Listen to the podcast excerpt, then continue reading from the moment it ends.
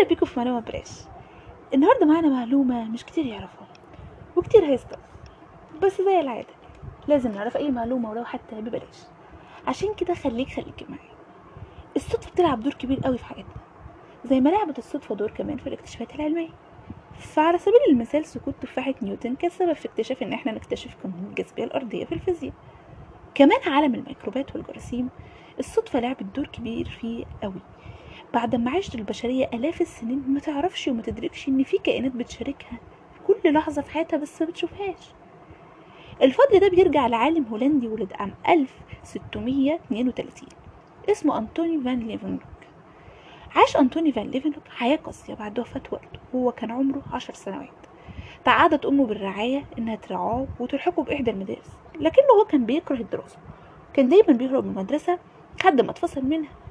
لحد ما بلغ سن الستاشر سنة وماتت أمه وأصبح عليه إن هو يشتغل علشان يقدر يكسب قوت يومه فهاجر لأمستردام العاصمة هولندا واشتغل في إحدى محلات الأقمشة. وكانت شغلته إن هو يتحقق من درجة جودة المنسوجات عن طريق فحصها بعدسة يدوية وبعد خمس سنوات من العمل في المحل ده رجع مسقط رأسه عشان يفتح محلول خاص بيه لبيع وتجارة الأقمشة. وكان بيضع العدسة فوق عدسة عشان يعمل مجهر. وصنع 419 عدسة ركب منهم 247 مجهر بسيط. ليه قوة بتتراوح بين 40 ل 270 مرة زي ما ذكر الدكتور محمد صابر في كتابه حكاية أول ميكروب.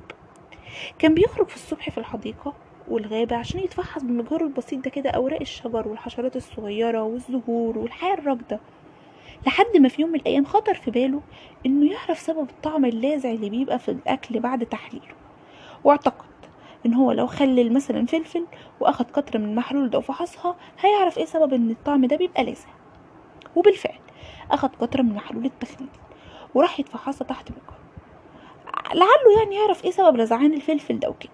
ففوجئ بعالم الميكروبات اللي فاجئ إن قطرة المية ديت زي ما قال كده يعني أول ما شاف الموضوع ده قال إن قطرة الماء لا تسخر بوحوش دقيقة مسحورة تتحرك كالشياطين ثم تتوقف فجأة عن الحركة. وكأن على رؤوسها الطير ثم تدور حول نفسها بسرعة مثل النحلة التي يلعب بها الأولاد. والغريب بقى إن الحيز اللي بتشغله هذه المخلوقات الغريبة لا يزيد عن حبة دقيقة من الرمل الناعم رغم تكبير العدسات فيها ده كان وصفه لأول جرثوم أو أول ميكروب شافه. ليفن هوك راح وصف لصحابه اللي شافه جران اتهموه طبعا بالجنون زي العادة اللي جت في الوقت ده.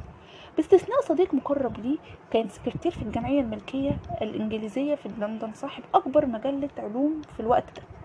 وفي عام 1677 الجمعية أقامت له معرض بيتضمن اكتشافاته ورأى الجميع بعينهم روعة ما اكتشفوا تاجر القماش وكشف ليفنلوك عن العالم ده.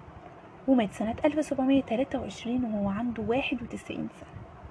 عشان يسيب لنا أكبر اكتشاف بعد كده وهو اكتشاف عالم الميكروبات.